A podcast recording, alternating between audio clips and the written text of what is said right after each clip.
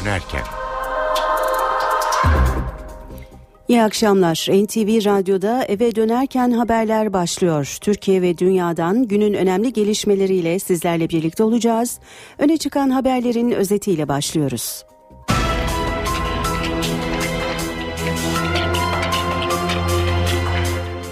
Siyaset Cumhurbaşkanlığı seçimine kilitlendi. Başbakan Erdoğan istişarelerini sürdürüyor. Önce partisinin Büyükşehir Belediye Başkanlarıyla bir araya geldi. Akşamda Cumhurbaşkanı Abdullah Gül'le haftalık olağan görüşmesini gerçekleştirecek. Muhalefet ise ortak aday önerisini tartışıyor. MHP lideri Devlet Bahçeli'nin önerisine CHP yeşil ışık yaktı.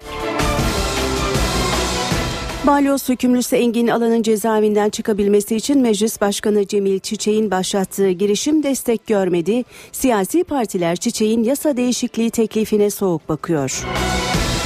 Anayasa Mahkemesi Başkanı Haşim Kılıç mahkeme önünde eylem yapan balyoz davası avukatlarıyla görüştü. Avukatlar görüşmeden memnun ayrıldı. Ancak mahkeme önündeki nöbet sürecek. Ankara'nın Altındağ ilçesinde 15 yaşındaki bir gencin Suriyeliler tarafından dövüldüğü iddiası gerginliğe yol açtı. İlçe halkı Suriyelilerin yaşadığı binayı ateşe verdi. Olayda çok sayıda kişi gözaltına alındı. Taraftarın tepki gösterdiği Pasolik uygulaması mahkemeden döndü. Ankara 16. Tüketici Mahkemesi e-bilet olarak bilinen Pasolik uygulamasının durdurulmasına karar verdi. 17 Aralık soruşturmasında adı geçen 4 eski bakanla ilgili fezlekelerin mecliste okutulmamasıyla ilgili Ankara 11. İdare Mahkemesi meclis başkanlığından savunma istedi. Öne çıkan haberlerden satır başlarını aktardık. Şimdi şimdi ayrıntılar.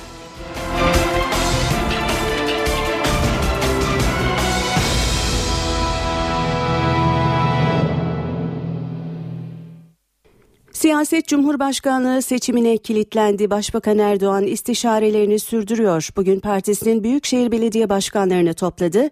Görüş alışverişinde bulundu. Akşamda Cumhurbaşkanı Abdullah Gül'le olağan görüşmede bir araya gelecek. Gündem yine Cumhurbaşkanlığı seçimi. AK Parti'den ve Çankaya'dan notlarla başlıyoruz. NTV muhabiri Murat Barış Koralp aktarıyor. AK Parti'de Cumhurbaşkanı adayını belirlemek için toplantılar bugün de devam etti. Bu kez genel merkezde 30 büyükşehir içinde yönetimi AK Partili olan 18 büyükşehir belediye başkanı çağrıldı. AK Parti'de önce milletvekilleri sonra il başkanları son olarak da büyük kongre delegeleriyle toplantılar yapılmış. Toplantılarda katılımcılara bir anket verilmişti. Bu anketlerde Cumhurbaşkanı adayı olarak kimi görmek istersiniz diye sorulmuş. Milletvekilleri, il başkanları ve delegeler Başbakan Erdoğan'ın ismini öne çıkarmıştı. Büyükşehir Belediye Başkanlarına da köşk adayı olarak kimi görmek istedikleri soruldu. Bu toplantının ardındansa devlet günü kapsamında önce MİT Müsteşarı Hakan Fidan ardından da Genelkurmay Başkanı Necdet Özel'le görüştü Başbakan Erdoğan. Cumhurbaşkanlığı konusu AK Parti sözcüsü Hüseyin Çelik'in yaptığı basın toplantısında da gündemdeydi. AK Parti sözcüsü Hüseyin Çelik, Milliyetçi Hareket Partisi Genel Başkanı Devlet Bahçeli'nin yaptığı çatı aday tanımlamasını eleştirdi. MHP ve CHP'nin birleşmesinden çatı çıkmaz, olsa olsa tencereye kapak olur dedi. Hüseyin Çelik, Bahçeli Başbakanı veya Cumhurbaşkanını sevmiyor, onların birbirine ters düşme ihtimalini seviyor. Onlara buradan ekmek çıkmaz. Gül ve Erdoğan rakip değil, birbirlerinin tamamlayıcısıdır dedi Hüseyin Çelik. Cumhurbaşkanlığı seçiminde BDP ile ittifak yapacakları iddiaları da soruldu Hüseyin Çelik'e. AK Parti BDP ile ittifak yapacak deniyor. Biz hiçbir siyasi partiyle ittifak içinde seçime girmeyeceğiz. Böyle bir şey aklımızdan hayalimizden geçmedi yanıtını verdi Hüseyin Çelik. Afyon kampında da Cumhurbaşkanlığı konuşulacak. Hüseyin Çelik'in sözlerinden bu da anlaşılıyor. Afyon'da da mesele şekillendirilecek ama acele etmeyin. 3 Temmuz son tarih çok heyecanlanmayın dedi. Hüseyin Çelik Cumhurbaşkanlığı adaylığı konusunda Afyon kampında da yapılacak istişarelere dikkat çekti. Saat 19'da ise Cumhurbaşkanı Abdullah Gül ve Başbakan Erdoğan ikili görüşme gerçekleştirecekler. Önceki haftada görüşmüşlerdi. Bu konuya ilişkin Cumhurbaşkanı Gül cumartesi günü bir açıklama yapmış. Sayın Başbakan'la biz kendi aramızda bu konuları konuştuk. Günü gelince yapılacak açıklamaları duyarsınız demişti. Bu açıklamanın ardından da Gül ve Erdoğan ikilisi ilk kez bir araya gelecekler saat 19'da Cumhurbaşkanlığı Köşkü'nde. Murat Barış Korat TV Radyo Ankara. Muhalefet Cumhurbaşkanlığı seçimi öncesi çatı aday önerisini tartışıyor. AK Parti sözcüsü Hüseyin Çelik ise onlardan olsa olsa tencere kapak olur sözüyle geri çevirdi. MHP lideri Devlet Bahçeli'nin önerisine CHP yeşil ışık yaktı. Genel Başkan Kemal Kılıçdaroğlu bu formülü ilk kez biz dile getirmiştik. MHP ile görüşebiliriz. Aday kişi siyaset dışı olursa da daha geniş kitlelere hitap edilir dedi. Gün içinde hem CHP'den hem de MHP yönetimi yönetiminden açıklama geldi. CHP Grup Başkan Vekili Akif Hamza Çepi, ortak noktamız Erdoğan'ın Cumhurbaşkanı olmaması dedi. Sayın Bahçeli ile Milliyetçi Hareket Partisi ile şöyle bir ortak noktamız var. Recep Tayyip Erdoğan Cumhurbaşkanı olmamalıdır. Olmayacaktır da böyle bir ortak noktada buluşmak çok önemlidir. Ee, gerisi e, bir şekilde şekillenir. MHP'li Oktay Vural ise sürecin önümüzdeki hafta hızlanabileceğini söyledi. Bir cumhurbaşkanının gerçekten milliyetçi, muhafazakar, manevi değerlere sahip, hukukun üstünlüğüne inanan demokrat bir aday olması gerektiğini düşünüyorlardır. Umarım e, toplumun sadece partiler değil ki değerli arkadaşlarım sivil toplum örgütleri, kanaat önderleri bütün bunlarla e, bir değerlendirme yaparak e, böyle bir adayın desteklenmesi konusundaki talebimizi ileteceğiz elbette. Ben şunu istiyorum değerli arkadaşlarım, Cumhurbaşkanı hepimizin Cumhurbaşkanı olması lazım. Biz değerler ekseninde Türkiye'de e, devletin ve milletin birliğini temsil eden ve kurumların ahenkli çalışmasını sağlayan ve partiyle ilişiği kesilen bir cumhurbaşkanının Türkiye'de istikrara hizmet edeceğini düşünüyoruz. Biz e, istikrarı sağlayacak bir cumhurbaşkanı e, hem toplumsal hem de yapısal olarak bir cumhurbaşkanı olması gerektiğini düşünüyoruz. Ama Adalet ve Kalkınma Partisi e, olarak e, istikrarsızlığı ve çatışmayı e, Çankaya'ya taşımak istiyorlarsa bu zihniyet e, Çankaya ile bağdaşmaz. Meclis Başkanı Cemil Çiçek'in balyoz hükümlüsü MHP milletvekili Engin Alan'ı cezaevinden çıkaracak önerisi iktidar partisinden döndü. AK Parti sözcüsü Hüseyin Çelik eğer birisiyle ilgili hüküm kesinleşmişse yapacak bir şey yok dedi. CHP'li Atilla Kart da sorunun anayasa değişikliğiyle çözülmesinden yana görüş belirtti. Alan'ın partisi MHP'de öneriye sıcak bakmıyor. Hiç olmazsa hükmü kesinleşmiş olanların hükmünün infazı dönem sonuna bırakılsın. Meclis Başkanı Cemil Çiçek'in balyoz davası hükümlüsü MHP İstanbul Milletvekili Engin Alan'ı cezaevinden çıkartacak. Cezası kesinleşen HDP eş başkanı Sabahat Tuncer'in cezaevine girmesini önleyecek teklifine siyasi partilerden tepkiler gelmeye başladı. AK Parti saygıdeğer ve iyi niyetli bulsa da teklife soğuk. Sayın Meclis Başkanımızın bu teşebbüsünü çok iyi niyetli bir çözüm arayışı olarak değerlendiriyoruz. Birisiyle ilgili hüküm kesinleşmişse burada yapılabilecek bir şey yoktur. Bu Engin Alan da olabilir, bu Sabahat Tuncel de olabilir, B de olabilir, C de olabilir. Bu konudaki tavrımız nettir. CHP tutuklu vekil sorununu çözecek her girişime destek vermekten yana. Ancak bunun yasa yerine anayasa değişikliğiyle yapılmasını istiyor. Anayasal düzenleme yapılması gerektiği karşısındayım. Anayasanın 83.2'si 14. maddesi ortadayken sadece yasal düzenleme ile bu sorunu çözemezsiniz. MHP'nin ise KCK ve HDP'liler de yararlanacağı için teklife soğuk yaklaştığı belirtiliyor. Acaba mesele Sayın Engin Alan'ın dışarı çıkması arzusu mudur? Yoksa e, acaba e, birilerinin içeri girmesini tekrar önlemek için midir? Balyoz davası hükümlüleri için Anayasa Mahkemesi önünde avukatların eylemi sürüyor. Üç avukat bugün Yüksek Mahkeme Başkanı Haşim Kılıç'la görüşmeden memnun ayrıldılar. Ancak nöbete sessizce devam edeceklerini belirttiler. Anayasa Mahkemesi Başkanı ile görüştük. Avukat Şule Nazlıoğlu Erol ve hükümlü yakınlarının Anayasa Mahkemesi önündeki adalet nöbeti sürerken sürpriz bir gelişme yaşandı. Anayasa Mahkemesi Başkanı Haşim Kılıç, balyoz davası avukatlarıyla görüştü. En azından bir Anayasa Mahkemesi Başkanı konunun taraflarıyla kısaca medeni bir görüşme yapma cesaretini göstermiştir. Adaleti sessizce bekliyoruz şeklinde devam ettirmeye ve bundan mağduriyetler konusundaki takibimizden ödün vermeden nöbetimizi tutmaya devam edeceğimizi bildirerek toplantıdan ayrıldık. Görüşme sonrası avukatlar kameraların karşısına geçti görüşmeye ilişkin bilgi verdi. Sayın Başkanlığın da hak ve özgürlüklerin korunması noktasında gerekli hassasiyeti ve özenli çalışmayı sürdürecekleri cevabını aldık. Yeniden yargılanma paketinin süratle devreye sokulmasını ve cezaevlerinin kapısının açılmasını bekliyoruz. Balyoz davası hükümleri adil yargılanma haklarının ihlal edildiği gerekçesiyle Anayasa Mahkemesi'ne başvurmuştu. 17 Aralık soruşturmasında adı geçen 4 eski bakanla ilgili fezlekelerin mecliste okutulmaması mahkeme gündeminde. MHP Grup Başkan Vekili Oktay Vural'ın başvurusunu kabul eden Ankara 11. İdare Mahkemesi meclis başkanlığından savunma istedi. Meclis başkanlığının 30 gün içinde savunma hazırlayarak idare mahkemesine vermesi gerekiyor. Saat 17.10 oldu. Eve dönerken haberler reklamların ardından devam edecek. Eve dönerken devam ediyor. Saatlerimiz 17.15'i gösteriyor. İstanbul'daki trafik durumuna bir göz atacağız. Köprülere bakalım. Boğaziçi Köprüsü'nde Avrupa'dan Anadolu'ya geçişte Çağlayan'dan itibaren trafik oldukça yoğun. Hürriyet Tepesi, Mecidiyeköy, Zincirlikuyu ve Boğaz Köprüsü'nün üzerinde dahil olmak üzere trafik şu saat itibariyle oldukça sıkışık İstanbul'da. Altunizade kavşağında ise yeniden akıcı bir şekle dönüşüyor. Anadolu'dan Avrupa'ya geçişte ise oldukça akıcı görünüyor şu saat itibariyle Boğaziçi Köprüsü, Çamlıca, Altunizade ve Boğaz Köprüsü'nün üzerinde trafik akıcı. Fatih Sultan Mehmet Köprüsü'ne bakalım. Fatih Sultan Mehmet Köprüsü'nde de Hastal'da oldukça yoğunluk var. Seyrantepe Maslak açık köprü üzeri yeniden yoğunlaşıyor. Kavacık'ta trafiğin yeniden açıldığını görüyoruz. Anadolu'dan Avrupa'ya geçişte de Fatih Sultan Mehmet Köprüsü'nde Ataşehir, Ümraniye ve Kavacık oldukça açık bir durumda şu an itibariyle ve bir kaza haberi var. Maslak'ta Büyükdere Caddesi üzerinde Hacı Osman yönünde bir trafik kazası 56 dakika önce oldu. Bunun da trafiğe etkisi bu bölgede oldukça yüksek.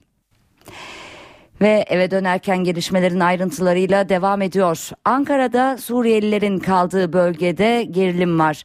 Olay dün gece 15 yaşındaki bir gencin Suriyeliler tarafından dövüldüğü iddiasıyla başladı.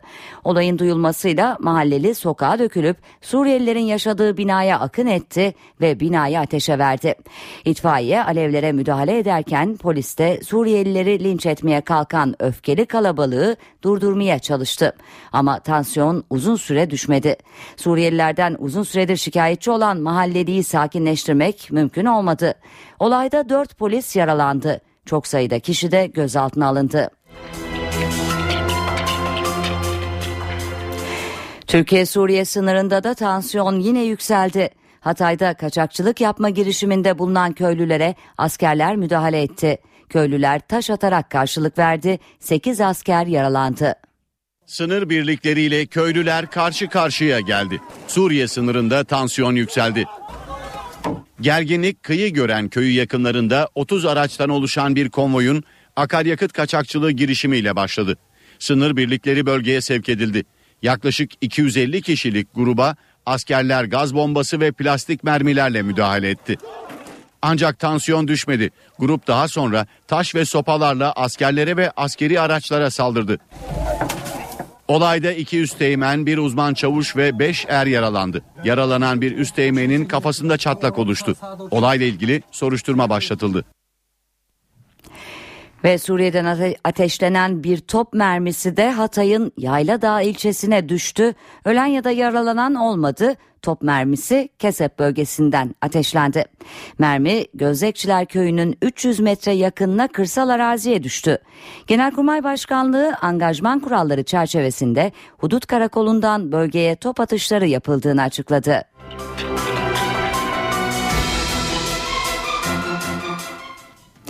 Ve Halep'te bu kez Esad güçlerinin kalesine bombalı saldırı düzenlendi. 50 kişinin öldüğü bildiriliyor. Muhalifler ordunun karargah olarak kullandığı otelin altına tünel kazarak yerleştirdikleri bombayı infilak ettirdi. Otel ve yanındaki binalar yıkıldı. Suriyeli muhalifler ise saldırıyı İslami Cephe Örgütü'nün gerçekleştirdiğini söylüyor. Muhalifler son haftalarda hükümet güçlerinin kontrolündeki bölgelerde ilerlemeye çalışıyor.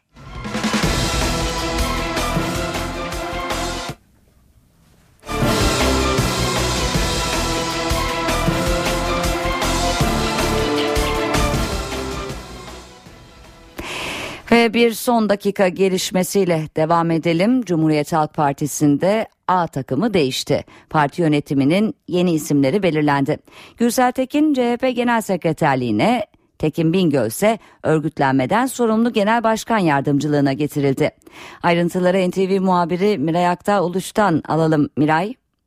Cumhuriyet Halk Partisi'nin yeni Merkez Yönetim Kurulu az önce belli oldu. CHP lideri Kemal Kılıçdaroğlu'nun belirlediği yeni parti yönetiminde yer alan isimler şöyle.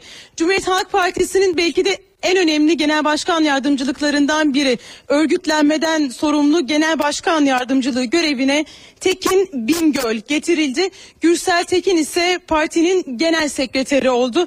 Emrehan Halıcı Bilgi ve İletişim Teknolojileri Başkanlığındaki yerini korudu.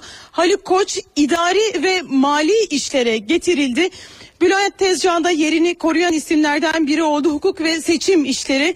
Parti içi eğitimde Perihan Sarı vardı. Perihan Sarı görevden alındı ve yerine Seyhan Erdoğdu getirildi.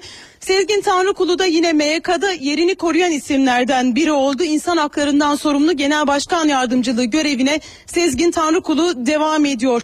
Emel Yıldırım iletişim, tanıtım ve basın halkla ilişkilerden sorumlu Genel Başkan Yardımcısı oldu.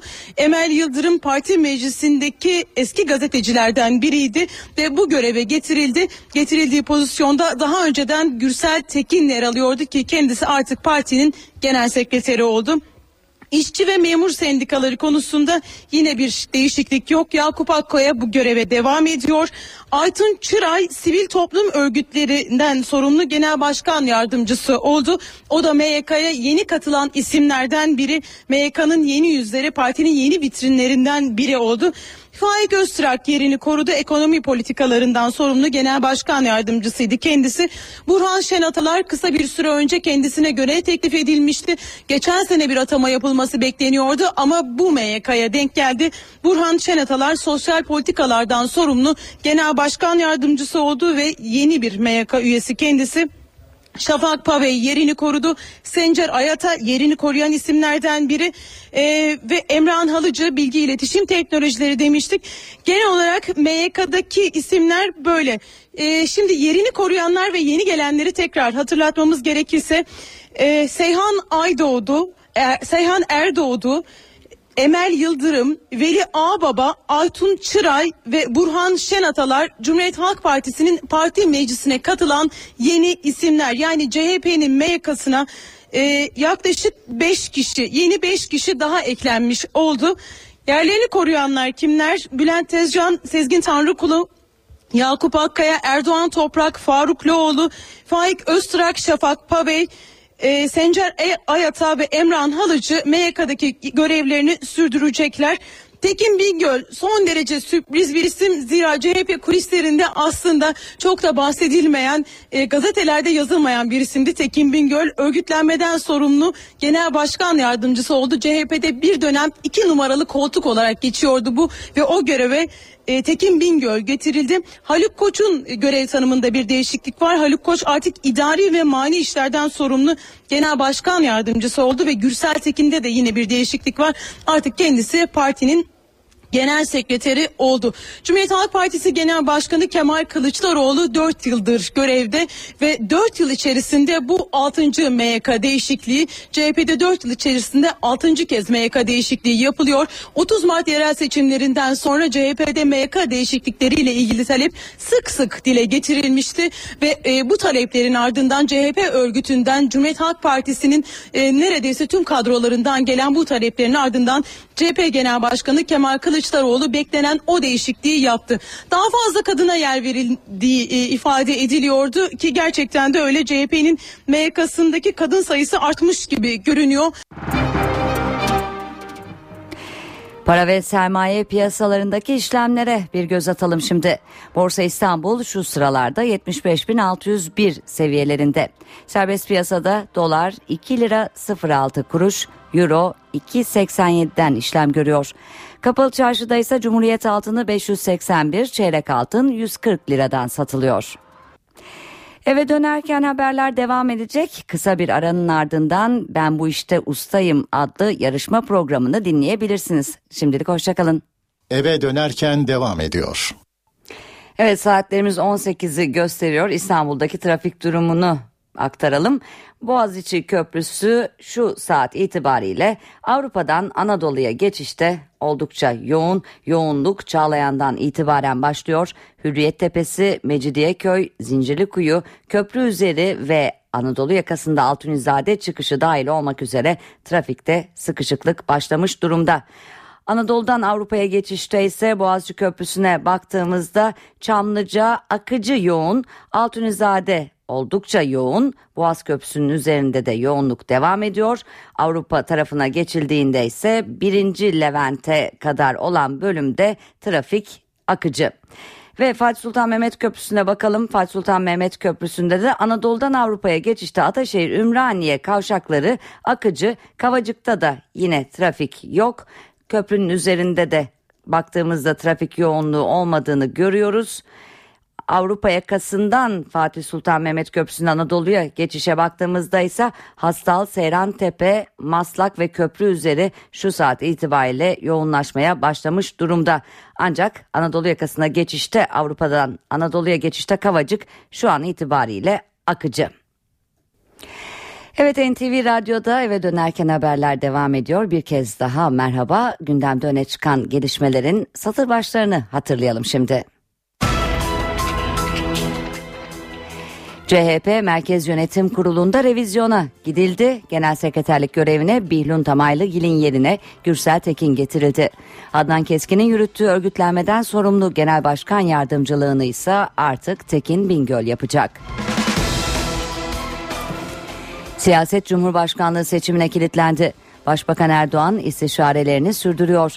Önce partisinin Büyükşehir Belediye Başkanlarıyla bir araya geldi. Akşam da Cumhurbaşkanı Abdullah Gül'le haftalık olağan görüşmesini gerçekleştirecek Başbakan. Muhalefet ise ortak aday önerisini tartışıyor. MHP lideri Devlet Bahçeli'nin önerisine CHP yeşil ışık yaktı. Ankara'nın Altındağ ilçesinde 15 yaşındaki bir gencin Suriyeliler tarafından dövüldüğü iddiası gerginliğe yol açtı. İlçe halkı Suriyelilerin yaşadığı binayı ateşe verdi. Olayda çok sayıda kişi gözaltına alındı. Dışişleri Bakanı Ahmet Davutoğlu İsrail'le yürütülen tazminat görüşmelerinde sona gelindiğini söyledi. Taraftarın tepki gösterdiği Pasolik uygulaması mahkemeden döndü. Ankara 16. Tüketici Mahkemesi e-bilet olarak bilinen Pasolik uygulamasının durdurulmasına karar verdi. Profesyonel Futbol Disiplin Kurulu Galatasaray'a bir maç seyircisiz oynama cezası verdi. Öne çıkan haberlerden satır başları böyleydi. Şimdi ayrıntılar.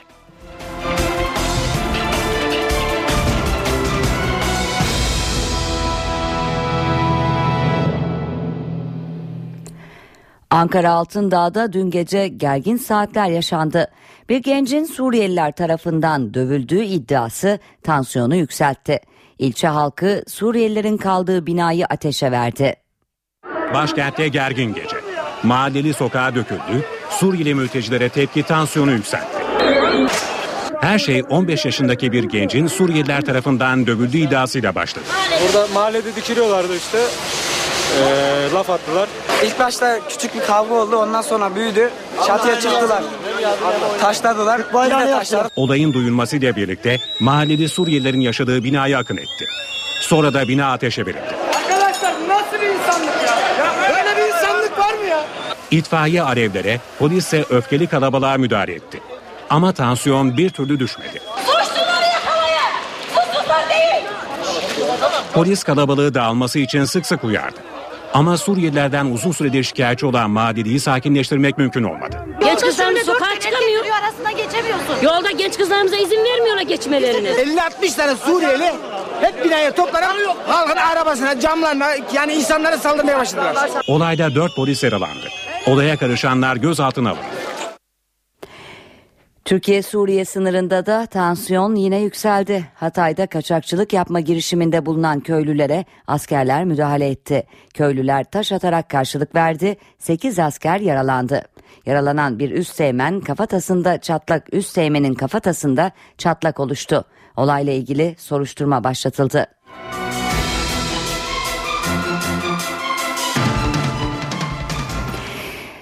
Halep'te bu kez Esad güçlerinin kalesine bombalı saldırı düzenlendi. 50 kişinin öldüğü bildiriliyor.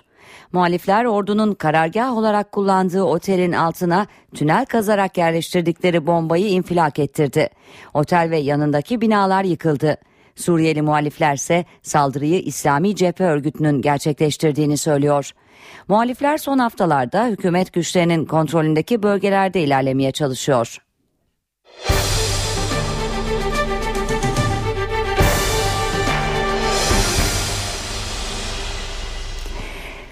Muhalefet Cumhurbaşkanlığı seçimi öncesi çatı aday önerisini tartışıyor. MHP lideri Devlet Bahçeli'nin önerisine CHP yeşil ışık yaktı. Genel Başkan Kemal Kılıçdaroğlu bu formülü ilk biz dile getirmiştik. MHP ile görüşebiliriz. Aday kişi siyaset dışı olursa da daha geniş kitlelere hitap edilir dedi. Gün içinde hem CHP'den hem de MHP yönetiminden açıklama geldi. AK Partili Hüseyin Çelik ise onlardan olsa olsa tencere kapak olur sözüyle tepkisini dile getirdi. Meğerse bizim Pisagor'umuzda Sayın Bahçeli'miş üçgen çizmeyi de biliyormuş. MHP ve CHP'nin birleşmesinden çatı matı çıkmaz. Olsa olsa bunlar tencereye kapak olur ikisi birden. AK Parti sözcüsü Hüseyin Çelik, MHP lideri Devlet Bahçeli'nin Cumhurbaşkanlığı seçimi için gündeme getirdiği çatı aday formülüne bu sözlerle tepki gösterdi. Çelik'e jet yanıt MHP'li Oktay Vural'dan geldi. Hüseyin Çelik karşı olabilir. Çünkü o e, marjinaldir. Bahçeli'nin çatı aday önerisi CHP'nin de gündeminde. Sayın Bahçeli ile Milliyetçi Hareket Partisi ile şöyle bir ortak noktamız var. Recep Tayyip Erdoğan Cumhurbaşkanı olmamalıdır. Olmayacaktır da. Böyle bir ortak noktada buluşmak çok önemlidir. Ee, gerisi e, bir şekilde şekillenir. MHP Genel Başkanı Bahçeli, Başbakanın Cumhurbaşkanı adayı olursa görevinden istifa etmesi gerektiğini söylemişti. AK Parti'den buna da yanıt geldi. Sayın Başbakan aday olursa AK Parti Genel Başkanı ve Başbakan olarak bu seçime girecek. Kimse boşuna başka şeylere heveslenmez. Onlara da buradan ekmek çıkmaz. Sayın Başbakanla Sayın Abdullah Gül biri birinin rakibi ve muhalifi değil. Onlar biri birinin mütemmim cüzüdür. AK Parti sözcüsü Cumhurbaşkanlığı seçimlerinde HDP ile ittifak yapacakları iddiasını da yalanladı. Mecliste eski bakanlarla ilgili kurulacak soruşturma komisyonuna 15 üye seçilecek. Ancak saptanacak bu kişilerin konuyla ilgili hiç görüş belirtmemiş olması gerekiyor. Hal böyle olunca yeni bir tartışma başladı. Zira iktidara göre muhalefette bu şarta uyan milletvekili yok. Muhalefetse tam tersini düşünüyor. Mecliste 4 eski bakanla ilgili kurulacak soruşturma komisyonu daha önce bu konuda görüş bildirmemiş 15 milletvekilinden oluşacak. Görüş bildirmeme şartı iktidarla muhalefeti şimdiden karşı karşıya getirdi. Soruşturma önergelerinin görüşüleceği gün AKP grubuyla bir toplantı yaptı. Esas üye veremeyecekse AKP verememesi lazım. Grup kararı alan Adalet ve Kalkınma Partisi'nin bu komisyona üye vermemesi daha uygun olacaktır. 313 milletvekili içerisinde 213'ü diyelim ki görüş beyan ettiyse yüzü herhalde beyan etmemiştir. Burada bizim böyle bir problemimiz yok. Diğer partilere mensup milletvekillerinin de böyle olması gerekiyor. İktidara göre muhalefetin üye belirlemesi oldukça güç. Muhalefete göre ise sıkıntı olmayacak. Hüküm vermemiş yani İhsası Rey denilen e, şekliyle açıklama yapmamış çok sayıda milletvekilimiz var. Hodri meydan. Efendim o konuşmuş bu konuşmuş. Bunlara bunlarla ilgili e, şey aramasınlar, mazeret aramasınlar. Komisyonda görev almak isteyen milletvekilleri ise basın toplantılarında oldukça temkinliydi. Evet Sayın Öztürk buna cevap versin. Yani Hiç o konu görüşüldü yani bence e, bunu yeniden tartışma konusu yapmak doğru değil. Soruşturma konusunun da konusu olacak zaten. Bu konuda bir şey söylemek çok doğru değil. Yani. Evet peki. Potansiyel soruşturma komisyonu üyesi adayı olarak evet e, dikkatli konuşuyor. Peki. 17 Aralık soruşturmasında adı geçen 4 eski bakanla ilgili fezlekelerin mecliste okutulmaması mahkeme gündeminde.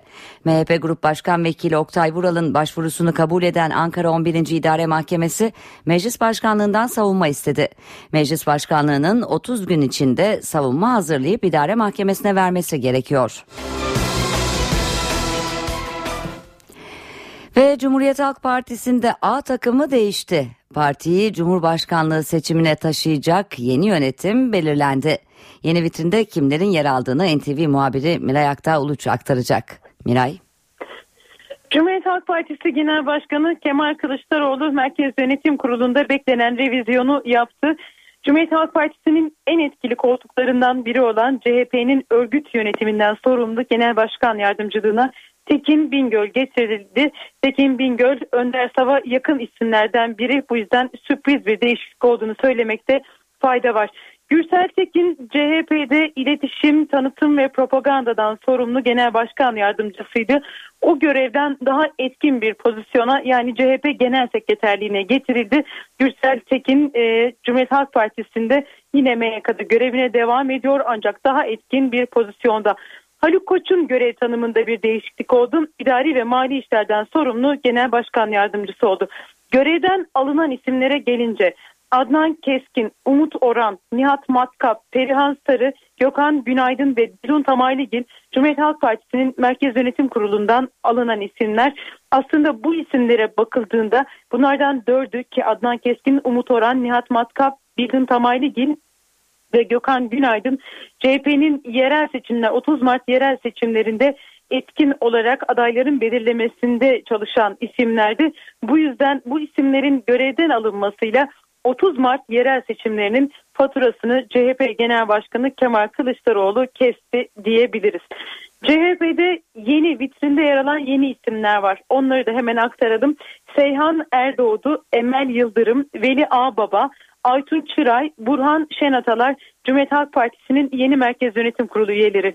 Görevlerinde hiçbir değişiklik olmayan isimler ise Bülent Tezcan, Tezgin Tanrıkulu, Yakup Akkaya, Erdoğan Toprak, Faruk Loğlu, Faik Öztrak, Şafak Pavey, Sencer Ayata ve Emrehan Halıcı. Bu isimler de görevlerini sürdürecekler. Ee, bundan sonraki süreçte Cumhuriyet Halk Partisi'nin önümüzdeki dönemde Cumhurbaşkanlığı seçimleri ve e, genel seçimlere götürecek kadro bu olacak gibi görünüyor. Eğer Kemal Kılıçdaroğlu bir kez daha MYK değişikliği yapmaz ise CHP lideri 4 yıldır görevde ve 4 yıl içerisinde bu 6. MYK değişikliği.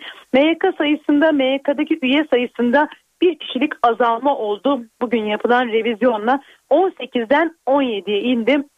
İki genel başkan yardımcılığı görevi tek e, pozisyonda birleştirildi. CHP'nin sözcüsü kim olacak bundan sonraki süreçte bu görevi Haluk Koç yapıyordu. CHP'nin bundan sonra toplanacak olan ilk Merkez Yönetim Kurulu toplantısında e, sözcünün kim olacağını karar verilecek. Çarşamba günü gerçekleşecek bu toplantı ve o toplantıda CHP'nin sözcüsü de belli olacak. Cumhuriyet Halk Partisi'nin bundan sonra daha aktif e, ve daha e, kadınların daha fazla olduğu bir MYK'ya sahip olacağını söyleyebiliriz. Ama genel olarak ilk dikkat çeken e, isimlerden birinin Tekin Bingöl olduğunu söylemekte fayda var. E, ve Cumhuriyet Halk Partisi'ni önümüzdeki dönemde hem genel seçimleri hem de Cumhurbaşkanlığına, e, Cumhurbaşkanlığı seçimlerine e, oradaki çalışmalara taşıyacak kadro bu olacak gibi görünüyor Sonay. Miray Aktağ Uluç bildirdi. Kısa bir reklam arasının ardından eve dönerken haberler devam edecek. Eve dönerken devam ediyor. Yeniden birlikteyiz. Eve dönerken haberler gelişmelerin ayrıntılarıyla sürüyor. Gezi Parkı olaylarına ilişkin 255 sanıklı davada bugün de savunmaların alınmasına devam edildi. Üniversite öğrencisi Furkan Bülent olay günü otobüs durağında beklerken gözaltına alındığını, polisin yanlış zamanda yanlış yerdesin dediğini anlattı. Turizmci Can Özhansa eşiyle birlikte Taksim Meydanı'nda bir otelde kaldığını, köfte ekmek yemek için dışarıya çıktığı sırada gözaltına alındığını, olaylara karışmadığını savundu. 14 sanığın savunmasını alan hakim duruşmayı 13 Mayıs Salı gününe erteledi.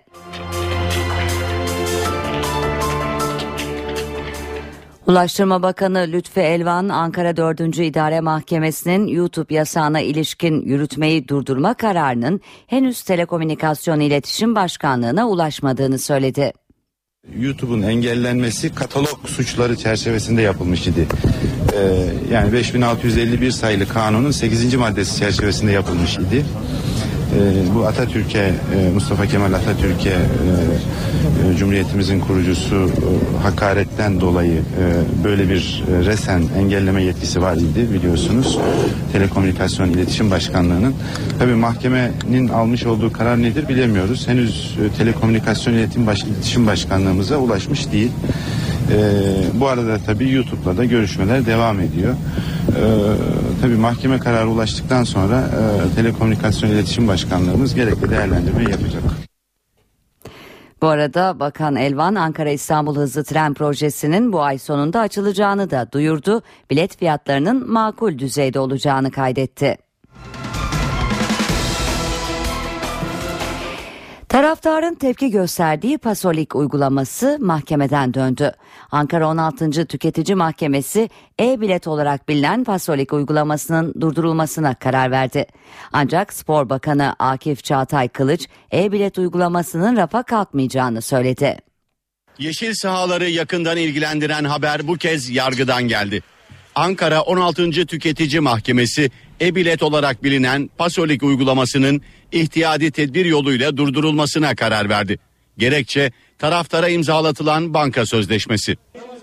Taraftar Hakları Dayanışma Merkezi tarafından açılan davada mahkeme Pasolik kartı alabilmek için düzenlenen sözleşmenin tüketici aleyhine tek taraflı ve ağır sorumluluklar içerdiğini vurguladı. Tüketici sıfatı taşıyan milyonlarca futbol taraftarının mağdur olmaması için Pasolik uygulamasının ihtiyadi tedbir kararıyla durdurulmasına karar verildi. Türkiye Futbol Federasyonu'nun karara itiraz hakkı bulunuyor. Ancak bu itirazı da aynı mahkeme karara bağlayacak. Mahkemenin kararını değerlendiren Gençlik ve Spor Bakanı Akif Çağatay Kılıç, e-bilet uygulamasının rafa kalkmasının söz konusu olmadığını açıkladı. Hangi gerekçeyle bu kararı verdiğini ben şu anda bilmiyorum. E, gerekçeli karar bize ulaşınca onu da inceleriz. Ona göre e, gelecekteki olacak e, çalışmalar konusunda da adımlarımızı atarız. Ben rafa kalktığı konusundaki düşünceyi şu anda paylaşmıyorum.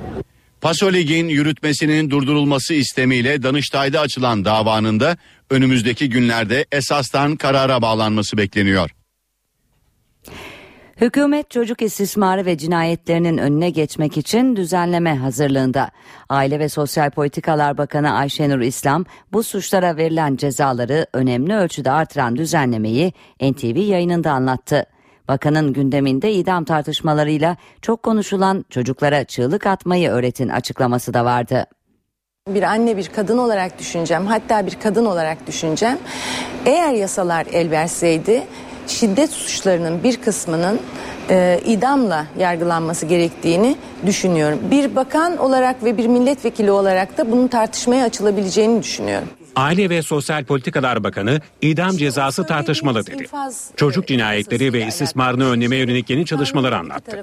Bir cezalar artırılıyor, iki infaz yasasında da düzenlemeler yapılıyor. Ağırlaştırılmış müebbet normal şartlarda 30-33 yıl uygulanırken şimdi 39 yıl uygulanacak.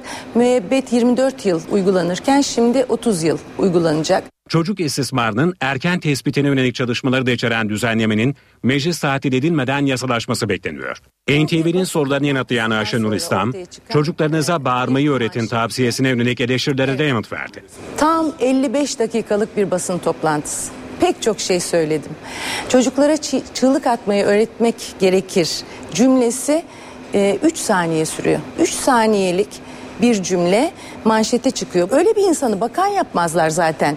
E, efendim çocuklar çığlık atsın bu mesele biter diyebilecek bir insan zaten bu ülkede bakan olmaz, olmamalıdır. Bakan İslam, iki eşini öldürüp afla tarihi olan bir adamın evlilik programına katılmasıyla ilgili de konuştu. Televizyonlar konuk seçerken otokontrollü olmalı dedi. Eski başbakanlardan Tansu Çiller'in Aydın Kuşadası'ndaki çiftliğine hırsız girdi. Soygun sırasında Çiller evde uyuyordu. Hırsızlar ziynet eşyaları ve parayı alıp kaçtı. Eski başbakanlardan Tansu Çiller'in Kuşadası'ndaki evine hırsız girdi. Çiller evdeyken gerçekleşen soygunda para ve ziynet eşyası çalan hırsızlardan biri yakalandı. Olay gece saatlerinde Çiller'in Kirazlı yolundaki çiftlik evinde meydana geldi. İddiaya göre iki kişi Tansu Çiller'in odasında uyuduğu sırada eve girerek yaklaşık 6 bin dolar para ve ziynet eşyası çaldı. Sabah İstanbul'a gitmeye hazırlanan Tansu Çiller soygunu fark edince şikayetçi oldu. Hırsızlar olaydan birkaç gün sonra aynı bölgede bulunan bir çiftlikle bir butik oteli soydu. Otelin güvenlik görevlisini de silahla yaraladı. Ard arda yaşanan soygun olayları nedeniyle çevredeki kamera kayıtları incelemeye alındı. Polis şüphelilerin kaçarken bindikleri otomobilin kiralık olduğunu belirledi. hırsızlık şüphelilerinden biri Söke ilçesinde evine yapılan baskında yakalandı. Hastanede tedavisi süren güvenlik görevlisi yakalanan zanlıyı fotoğrafından teşhis etti. Olayla ilgili iki kişi aranıyor.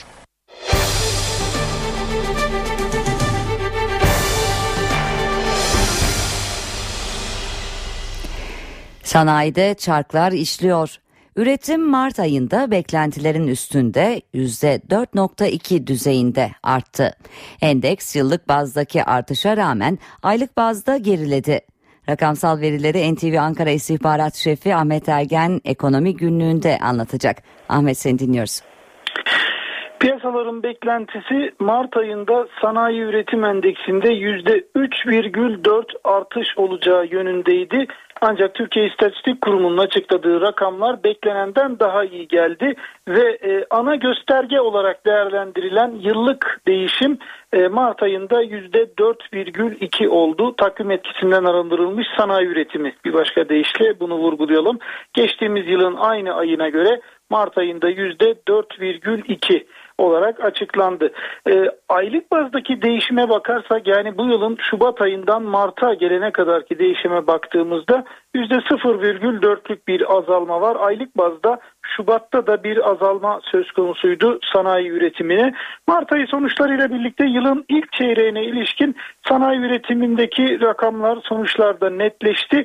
E, buna göre baktığımızda 2013 yılının birinci çeyreğine göre bu yılın birinci çeyreğinde %5,3'lük bir artış var. Bu da büyüme açısından 2013 yılına göre oldukça iyi bir e, duruma işaret ediyor. 2013 yılının son çeyreğine göre e, değişime baktığımızda da %1,4'lük bir artış söz konusu. E, diğer detaylara baktığımızda mevsim ve takvim etkisinden arındırılmış olarak ana sanayi gruplarında en yüksek artışın dayanıklı tüketim malı imalatında gerçekleştiğini görüyoruz. En yüksek oranlı düşüş yani azalma ise ulaşım araçlarının imalatında gerçekleşmiş durumda.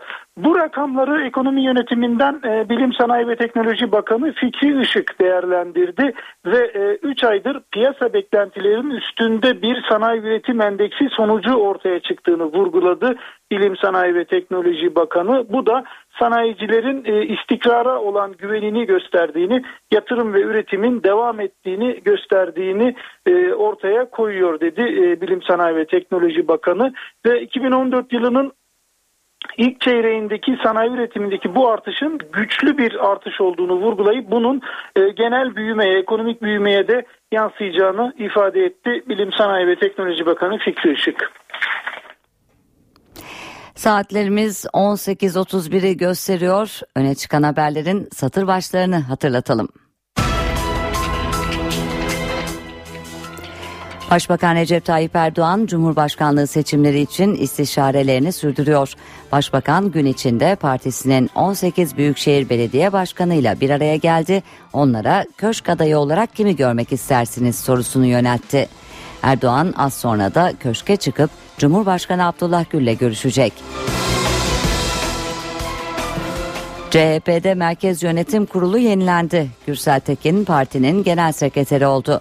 Örgütlenmeden sorumlu genel başkan yardımcılığına ise Önder Sava yakınlığıyla bilinen Tekin Bingöl getirildi. Meteoroloji uyardı. Bu gece ve yarın Türkiye'nin birçok ilinde sel ve baskın tehlikesi var. Profesyonel Futbol Disiplin Kurulu Galatasaray'a bir maç seyircisiz oynama cezası verdi. Satır başları böyleydi. Eve dönerken haberler devam ediyor.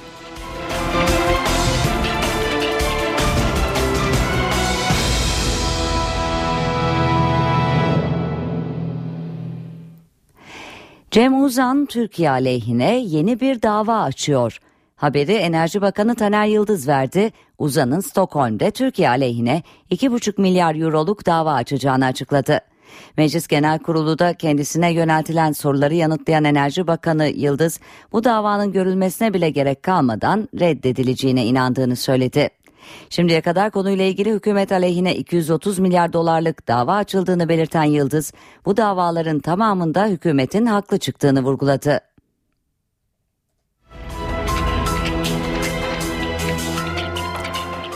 Tasarruf Mevduatı Sigorta Fonu BMC'nin iş adamı Ethem Sancak'ın sahibi olduğu Esmali Yatırım Şirketi'ne satılmasına onay verdi. Tasarruf Mevduatı Sigorta Fonu şirketin BMC için verdiği 751 milyon liralık teklifi inceledi ve onaylayıp rekabet kuruluna gönderdi. Fonun açıklamasında bir yıl önce yönetimi devralınan BMC'nin iflas etmesinin engellendiği belirtildi ve 985 liralık 985 bin liralık muammen bedelin bağımsız bir kuruluş tarafından belirlendiği kaydedildi. Daha fazla katılım için ihale süresinin uzatıldığını belirten TMSF, ihalede hedeflenen muammen bedelin %75'inin üstünde bir satış rakamına ulaşıldığına dikkat çekti.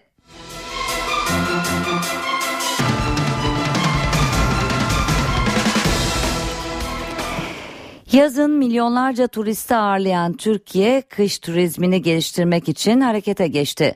Uludağ, Erciyes, Kartalkaya gibi önemli kayak merkezlerine ev sahipliği yapan Türkiye'ye yabancı tur operatörlerinden destek geldi. Dünyanın sayılı tur operatörlerinden Thomas Cook, Türkiye'de kış güneşi projesi başlattı. Akdeniz Turistik Otelciler Birliği'nin davetlisi olarak Antalya'ya gelen firmanın temsilcileri, kış aylarında da Türkiye'yi cazip bir merkez olarak turistlere sunacak. Müşterilerimizi deniz, kum, güneş konseptinin dışında da Türkiye'ye gitmeleri için dergiler hazırladık. Emekli Almanların, İngilizlerin kışın Türkiye'ye gelmeleri evlerinde konaklamalarından daha ucuz. Tur temsilcileri Türkiye'de kış turizmini öne çıkaran faaliyetlerin daha çok yapılmasını istiyor. Türkiye kışın iyi değildir diye bir takım hikayeler var.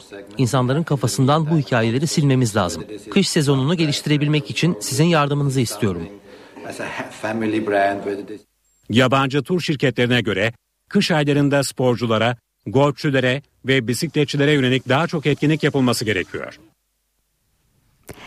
Galatasaray dünyanın en değerli 20 futbol kulübünden biri oldu.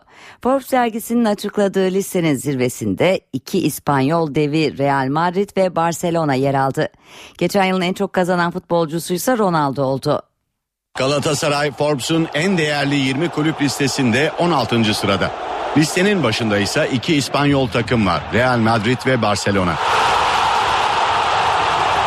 Forbes'un listesinde 3,4 milyar dolar değer biçilen Real Madrid birinci sırada.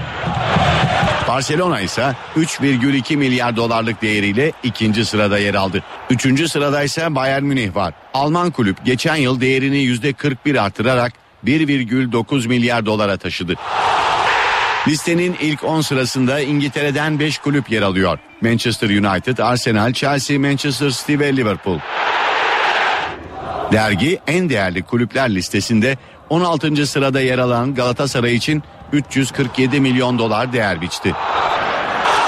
En çok kazanan futbolcular sıralamasının da yayınlandığı listede Real Madrid'in Portekizli yıldızı Cristiano Ronaldo yılda yaklaşık 73 milyon dolar gelirle ilk sırada yer aldı. Şimdiden efsane adayları arasında gösterilen Lionel Messi ise 65 milyon dolarlık geliriyle listede ikinci sırada. Şimdi kısa bir reklam arası veriyoruz ardından yeniden birlikte olacağız. Eve dönerken devam ediyor. Gelişmelerin ayrıntılarıyla yeniden birlikteyiz. Türkiye'de domates üreticisinin kabusu tuta kelebeği yani domates güvesi yeniden ortaya çıktı. Antalya Ticaret Borsası Başkanı Ali Çandır güve hızla yayılıyor domates bu yaz pahalıya satılacak dedi. 2009'daki ilk tespitten sonra entegre mücadele çalışmaları başlatıldığını da belirten Tarım Bakanlığı yetkilisi Mehmet Şen, çiftçi eğitimlerinin sürdüğünü, dünyada kimsenin bunu yok edemediğini söyledi.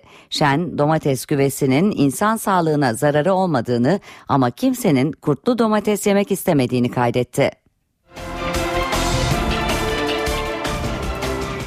Türkiye kurak bir kış sonunda susuz yaz tehlikesiyle karşı karşıya. Orman ve Su İşleri Bakanlığı su tasarrufu için ek tedbirler aldı. Bu kapsamda 10 yıldan eski olan su sayaçları değiştirilecek. Böylece kaçağın önlenmesi hesaplanıyor. Şehirlerdeki tüm su dağıtım şebekeleri yenilenecek. 10 yılda eski su sayaçları değiştirilecek. Belediyeler artık sayaçsız su kullanımına izin vermeyecek. Şebekeye verilen su miktarıyla faturalanan miktar kontrol edilerek kaçak kullanım önlenecek. Hükümet kuraklığın da etkisiyle azalan içme suyu varlığının korunması için önemli bir adım attı. Orman ve Su İşleri Bakanlığı bir buçuk yıllık çalışmayla hazırlanan yeni yönetmeliği uygulamaya koydu. Bakanlığın tespitlerine göre Türkiye'de içme suyunun %50'si şebekelerde kayboluyor. Kaçak kullanımla bu oran daha da artıyor. Gelişmiş ülkelerde ortalama %10 olan su kaybı Bodrum'da %70, Adapazarı'nda %51, İstanbul'da %25'e kadar ulaşıyor. Doğu illerinde ise kaçak kullanım oranı %80'e yaklaşıyor. Bakanlık yeni yönetmelikle belediyelere su kayıp kaçaklarını ilk 5 yılda %30'un altına, 10 yılda da %20'lere düşürme hedefi koydu. Hedefe ulaşmak için öncelikle bütün su boruları yenilenecek. Kaçak kullanımı önlemek için depolardan verilen suyun miktarıyla faturalanan su miktarı karşılaştırılacak. Sayaç olmadan su kullananlar sayaç alacak. 10 yıldan eski sayaçlar da değiştirilecek. Hedeflere ulaşılıp su kaybı önlenirse tüm faturalara dağıtılan kayıp kaçak bedelleri azalacak. Bazı abonelerin fatura bedeli yarı yarıya düşecek. Evet mevsimler şaştı. Kışın uğramayan yağmur baharda etkili oluyor. Meteoroloji bahar ve yaz aylarının yağışlı geçeceğini söylüyor. Özellikle bu gece için sel ve su baskını uyarısı yapılıyor. Ayrıntıları bize NTV Meteoroloji Editörü Gökhan Abur aktaracak. İyi akşamlar Sayın Abur. İyi akşamlar. Evet önce bu evet. geceyle başlayalım isterseniz. Hangi bölgelerde su baskını riski var? Su baskını uyarısı yapılıyor sevgili Abur. Siz dinleyelim. Ee, şu an itibariyle zaten e, bugün güneyde özellikle Doğu Akdeniz'e ve İç Anadolu'da yağışlar hızlı bir şekilde başlamıştı. Yoğun sağanak yağışlar vardı. Bu sistemler iç kesimlere doğru Konya'ya doğru ilerledi ve şu anda hemen hemen İç Anadolu bölgesinde Akdeniz'de ve yağışlar oldukça kuvvetli. Yarın hemen ülkenin büyük bir çoğunluğunda yağış var. Marmara bölgesinde kuvvetli sağanaklar bekliyoruz. Ee, yine gün içinde Poyraz kuvvetli olacak fakat rüzgarın ilerleyen saatlerde yıldızdan karayere dönmesiyle birlikte yağışlar da giderek kuvvetlenecek. Özellikle İstanbul başta olmak üzere Marmara'nın güney kesimlerinde Balıkesir, Bursa, Kocaeli, Bilecik arasındaki bölgede yer yer yarın kuvvetli yağışlar bekliyoruz. Rüzgarın karayere dönmesini beklediğimiz öğle saatlerinde bu yağışlar bir aile kuvvetlenecek.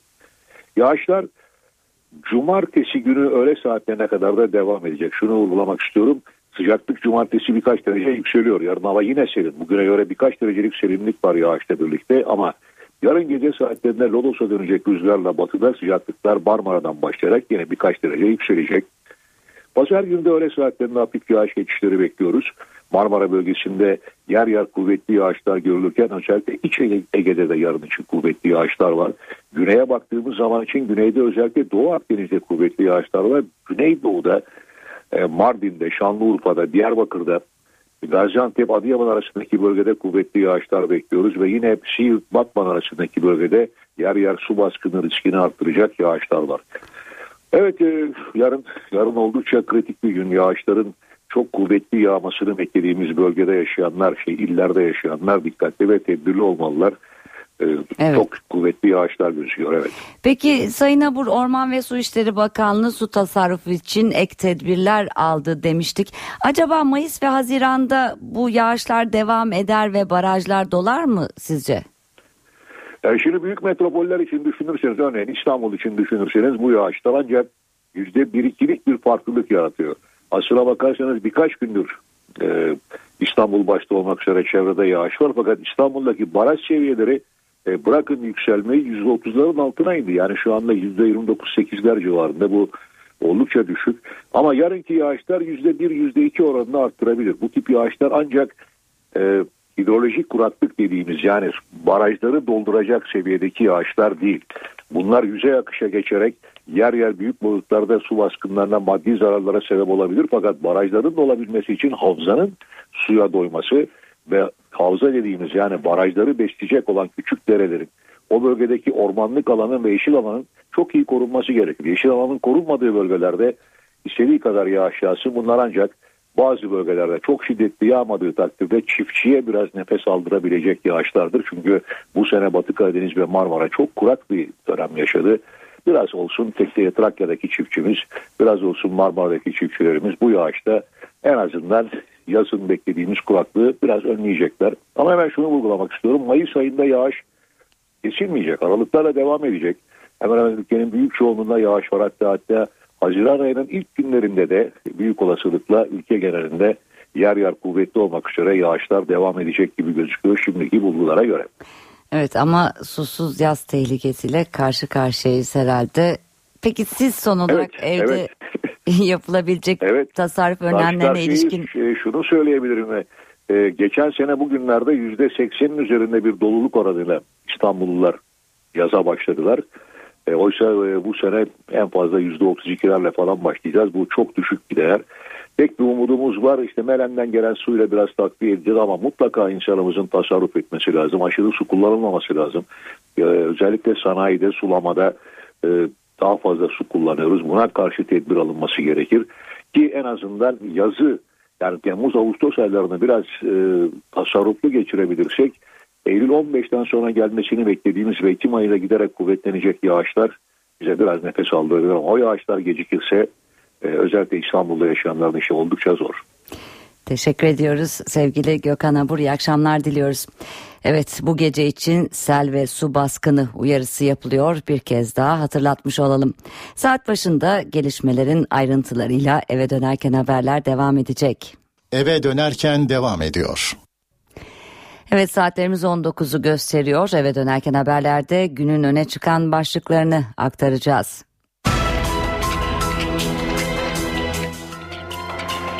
Başbakan Recep Tayyip Erdoğan Cumhurbaşkanlığı seçimleri için istişarelerini sürdürüyor. Başbakan gün içinde partisinin 18 Büyükşehir Belediye Başkanı'yla bir araya geldi. Onlara köşk adayı olarak kimi görmek istersiniz sorusunu yöneltti. Erdoğan az sonra da köşke çıkıp Cumhurbaşkanı Abdullah Gül'le görüşecek. CHP'de Merkez Yönetim, Yönetim Kurulu yenilendi. Gürsel Tekin partinin genel sekreteri oldu. Örgütlenmeden sorumlu genel başkan yardımcılığına ise Önder Sava yakınlığıyla bilinen Tekin Bingöl getirildi. Balyoz hükümlüsü Engin Alan'ın cezaevinden çıkabilmesi için Meclis Başkanı Cemil Çiçek'in başlattığı girişim destek görmedi. Siyasi partiler Çiçek'in yasa değişikliği teklifine soğuk bakıyor. Güneydoğu Genç İş Adamları Derneği Türkiye'de bazı illerde denetimli özerklik uygulanmasını önerdi.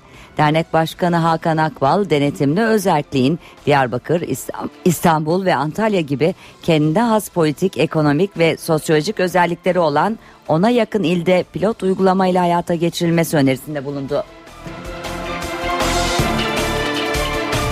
Uzun süredir tartışılan sosyal güvenlik paketi hazır. Düzenlemeyle gelir testine girmeyen 3 milyondan fazla kişinin 7 milyar liraya yakın borcu yeniden yapılandırılacak. Paket Bakanlar Kurulu onayının ardından meclise sevk edilecek.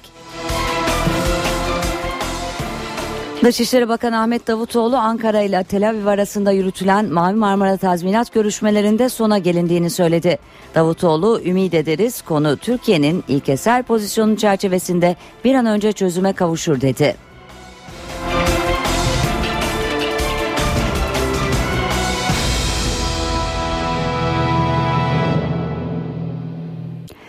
Saatlerimiz 19.02'yi gösterirken İstanbul'da trafik yoğunluğu artmış gözüküyor.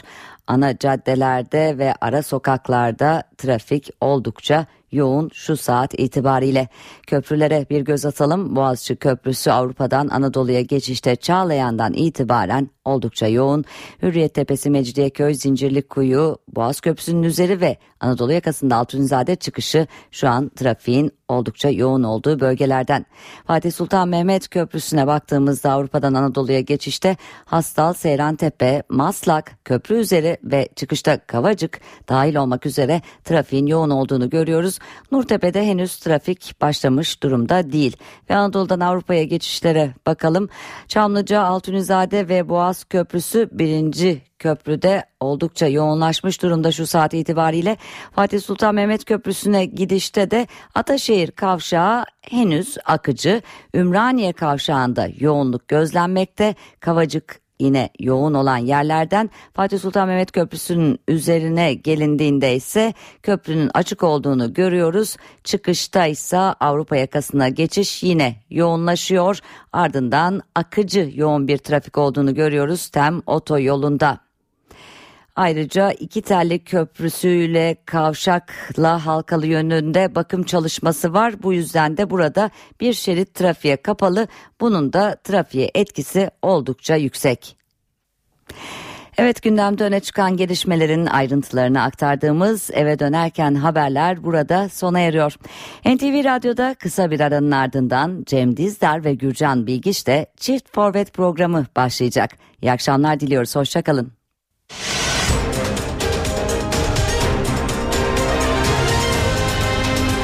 NTV Radyo, Türkiye'nin haber radyosu.